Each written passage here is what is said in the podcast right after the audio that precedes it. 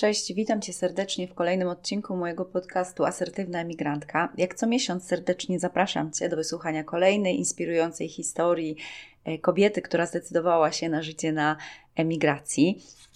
Powiem Ci tylko, że mm, słuchając historii Natalii, która jest e, bohaterką naszego dzisiejszego odcinka, miałam wrażenie, że słucham tak troszeczkę o sobie. Wyjazd za granicę kojarzy nam się zazwyczaj z dobrobytem, z zachwytem i faktycznie z życiem tak zwanym usłanym różami. Ale tak nie jest. Kiedy wyjeżdżamy za granicę, często musimy się borykać z tym, że pracujemy poniżej swoich kwalifikacji, umiejętności, kompetencji, niezgodnie z naszymi wartościami, ale robimy to wszystko, żeby jakoś zacząć i mieć za co w ogóle żyć na tej emigracji, czy mieć za co zaczynać. I tak sobie myślę, że wielu z nas, y, ja też mam takie doświadczenia, tak właśnie zaczyna pracę. Ale w międzyczasie pojawia się niedosyt, pojawia się frustracja, która motywuje nas do tego, żeby robić więcej. I na to właśnie odważyła się Natalia, która głęboko w to wierzy, będzie dla Was inspiracją do tego, że można inaczej, że warto, żeby ta praca była nie tylko skuteczna, mam tutaj na myśli finanse, ale również przynosiła satysfakcję i przyjemność. No tak, praca może być przyjemna. No, jeżeli jest oczywiście zgodna z naszymi wartościami i tym, w co w życiu wierzymy. Także gorąco zachęcam Cię do wysłuchania historii Natalii, która wierzy w naszą słowiańską moc, w siłę marzeń i dzielnie stawia kolejne kroki do tego, żeby czerpać satysfakcję z każdego obszaru swojego życia. Oczywiście wszystkie linki po to, żebyście mogli znaleźć Natalię, znajdują się w opisie do dzisiejszego odcinka. Ja nazywam się Justyna Baranowska, jestem psycholożką, psychoterapeutką w trakcie szkolenia i emigrantką, a Ty słuchasz właśnie podcastu Asertywna Emigrantka. Myślę, że ten odcinek więcej wstępów już nie potrzebuje, także zapraszam do słuchania.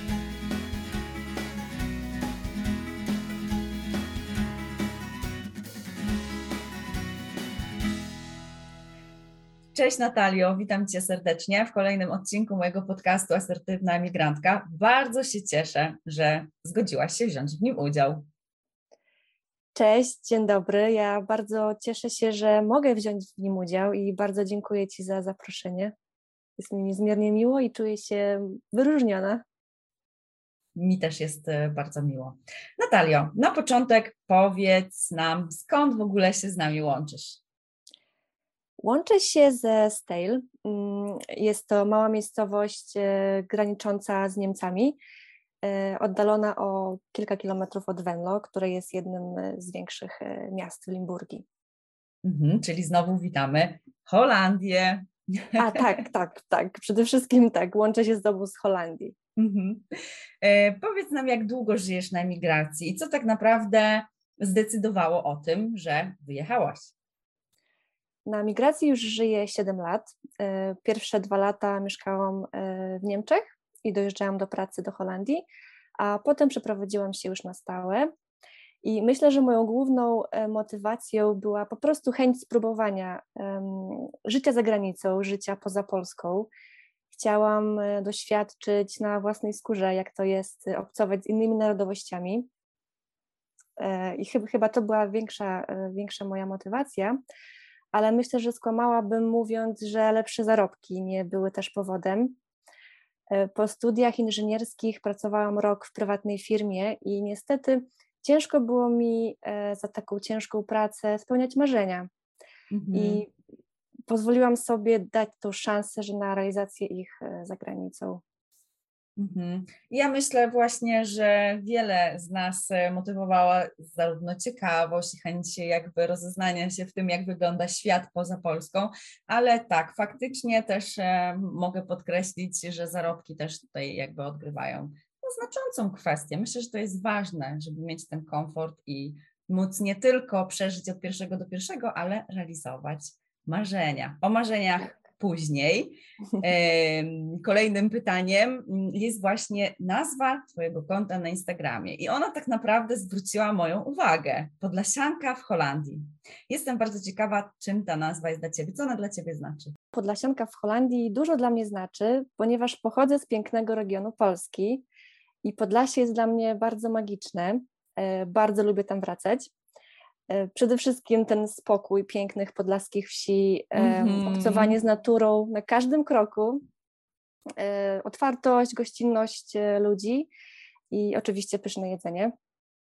A Podlasie po prostu jest dla mnie bliskie, bo jest tam moja rodzina, są tam moi bliscy przyjaciele i tam są wszystkie moje wspomnienia. I to na mnie zawsze tam czeka, gdy wracam. I myślę, że ta nazwa po prostu jest podkreśleniem tego wszystkiego, że nie zapominam skąd jestem i jak ważne jest dla mnie to miejsce. Mhm. Jak tak mówisz o tym Podlasiu, to ja sobie to wszystko wyobrażam i same, sama Twoja opowieść mnie już relaksuje, bo też Prawda? znam osobiście te rejony dokładnie. Czyli... Podlasie ma, ma, ma, ma tu magię. Mhm. I Podlasie spokój. masz, jak rozumiem, w sercu. Tak, tak, mhm. jest ze mną cały czas. Ale słuchaj, jak wspominasz te początki na obczyźnie? Bo to jest też takie ważne pytanie, które zadaję swoim gościniom. Interesują mnie zarówno te trudne momenty, ale również te, które mm, gdzieś tam wspominasz milej. Co Cię zaskoczyło w tej Holandii? To może zacznę od tych trudnych momentów, mm. bo przyznam, że moje pierwsze godziny e, za granicą e, były takie, że już chciałam jak najszybciej wrócić do domu. Mm. Była to długa podróż. Dotarłam na miejsce nad ranem do domków agencyjnych, w którym miałam być zameldowana. Czekałam tam kilka godzin w dość obskurnym, zimnym miejscu i myślę, że gdyby nie pomoc koordynatora, który zaopiekował się mną i dzięki niemu myślę, że nie wróciłam do Polski następnego dnia bo pamiętam, że patrzył na mnie e, taką przerażoną, chyba po prostu zmiękło mu serce. Bo chyba widział, że chcesz uciec. Tak, tak, mm widział, że jednak chyba nie, nie tego się spodziewałam na tej imigracji. E, fajnie się złożyło, bo przydzielił mnie do bardzo zadbanego domku z bardzo fajnymi ludźmi i czułam się tam po prostu dobrze i bezpiecznie. I, i to, to bezpieczeństwo chyba spowodowało, że nie uciekłam, tak naprawdę. I mieszkałam w tym, w tym domku kilka miesięcy, bo tak naprawdę na taką ilość czasu e, zarezerwowałam sobie tą moją przygodę mm-hmm. za granicą. E, myślę, że jest to dość e, typowa historia właśnie nas, Polaków za granicą, że jednak chcemy na chwilę, na chwilę zobaczyć, ugryźć, jak to jak to smakuje, a, a zostajemy na dłużej w moim przypadku to 7 lat. A w moim 13, a też myślę, że tak zaczynałam podobnie jak ty. Aha, no właśnie. To i moja przygoda właśnie wtedy się nie skończyła. Przeniosłam się do prywatnego mieszkania już w Niemczech. I myślę, że moje początki mogę zawdzięczać również y, bardzo pomocnym Polakom, e, których e, jestem bardzo wdzięczna, że spotkałam na, na swojej drodze, bo myślę, że bez nich byłoby mi ciężej. To oni wprowadzili mnie w takie życie właśnie w Niemczech czy w Holandii. To jest mega ważne, wszystko. co mówisz, bo teraz łamiemy ten e, stereotyp, że Polak Polakowi wilkiem. Mhm. W moim przypadku ja e, spotkałam naprawdę wartościowych i, i fajnych ludzi za granicą. To, to też mnie zbudowało i dało dużo siły na, na ten ciężki początek jednak za granicą. Mhm. I też dzięki nim y, zdałam sobie sprawę, że za granicą można prowadzić fajne życie, a nie tylko ciężko pracować. Y, I to po prostu przyglądałam się, się życiu innych znajomych i po prostu widziałam w nich po prostu normalne życie, a nie praca od, od piątej do, do, do wieczora i tylko, tylko to. Mhm. Taka wegetacja, prawda? Tak, tak. A jeżeli o te um, milsze momenty, które Cię zaskoczyły tak pozytywnie, to, to, to co, co by to było? Bardzo zaskoczyła mnie ogólnie e, mentalność tutaj ludzi, nawet samych Polaków e, mieszkających za granicą. Już nie mówię o, o Holendrach czy, czy o Niemcach. daje się wyczuć tutaj e, takie inne podejście do życia, do rozwiązywania problemów, do takiej zwykłej codzienności. Mam tutaj takie wrażenie, że może ludzie są troszkę bardziej zadowoleni z tego życia i to też się im, nie im, ale innym się udziela. Mhm. I to, to mnie bardzo zaskoczyło i spowodowało, że ta cała otoczka e, emigracji, e, tej, tej rozłąki z rodziną i z tym moim miejscem, w którym się wychowywałam, e, było łatwiejsze. Taka po prostu radość, radość bijąca od innych. Mhm. Wiadomo, nie od każdego, ale, ale sporo ludzi poznawałam na swojej drodze, którzy, którzy byli zadowoleni, że wyjechali i, i, i to. I takie były moje początki. Dość, e, pierwsze godziny miałam takie dość straszne, że chciałam wrócić, ale potem, potem wszystko się obracało w tą pozytywną stronę, myślę. Mhm. Miło to słyszeć. E, Natalio, powiedziałaś, że czy tak naprawdę Twoja historia za granicą zaczęła się jak historia wielu z nas, czyli od takiej pracy fizycznej. Ale przychodzi taki moment, kiedy chyba zaczynamy chcieć czegoś więcej. Ja wiem z Twoich mediów społecznościowych, że od jakiegoś czasu prowadzisz własną firmę. Można u Ciebie zamówić subskrypcję boksów z naturalnymi kosmetykami, uwaga, z Polski. Opowiedz nam o tym coś więcej. I w ogóle skąd ten pomysł na otwarcie firmy i jak to jest zakładać firmę w Holandii? To prawda. Firma Natur Beauty Box to spełnienie moich marzeń. Wydaje mi się, że już na studiach wizualizowałam siebie jako przedsiębiorczynię, i bardzo chciałam w życiu mieć taki projekt, który, mm, w który będę wkładała 100% siebie i będę mogła realizować się na własnych zasadach. I zawsze miałam bzikę na punkcie kosmetyków. Też odkąd dowiedziałam się, że mam e, Hashimoto, musiałam e, zmienić troszkę styl życia na zdrowszy i przykładam również wagę do tego, co nakładam na, na ciało. Mhm. A kosmetyki naturalne pozwalają mi tak naprawdę na bardziej świadomą i zdrowszą pielęgnację. A w moich kosmetykach, w moich pudełkach tak naprawdę, bo jest to pudełko niespodzianka z zestawem kosmetyków, dostarczam właśnie dziewczynom e, w Holandii, Belgii i w Niemczech e, polskie marki małych, e, małych manufaktur, które ciężko znaleźć za granicą. Mhm, czyli projekt jest naprawdę taki bardzo oryginalny. Tak myślę. Dziękuję.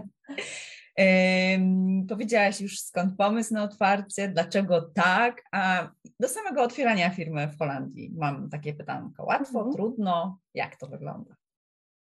E, wydaje mi się, że nie jest aż tak trudno, jak się mogłoby wydawać. Pamiętam, że po prostu e, zarejestrowałam się w Izbie Handlowej e, przez internet.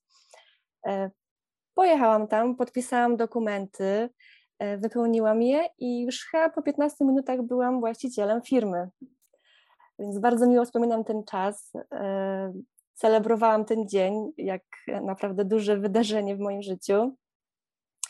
Jednak myślę, że mm, w każdej firmie, nie tylko takiej e, za granicą, e, jest poza ogólnie otwarciem, e, jest ten natłok obowiązków bardzo mm -hmm. duży i po prostu samo, samo założenie nie jest trudne, ale potem prowadzenie tej firmy to już, to już jest natłok obowiązków. Mhm, niemałe wyzwanie, pozyskiwanie klientów, promocja, marketing, nie? Dokładnie, dokładnie. A wyzwaniem jest dla mnie prowadzenie własnej firmy, równocześnie pracując na etacie, bo wciąż pracuję dla firmy logistycznej i zajmuje to większą część mojego dnia. Jednak e, to ta chęć spełniania marzeń i ta motywacja jest tak duża, że jestem w stanie się zorganizować, żeby również ten czas w ciągu dnia poświęcić na firmę. Ale, Ale warto?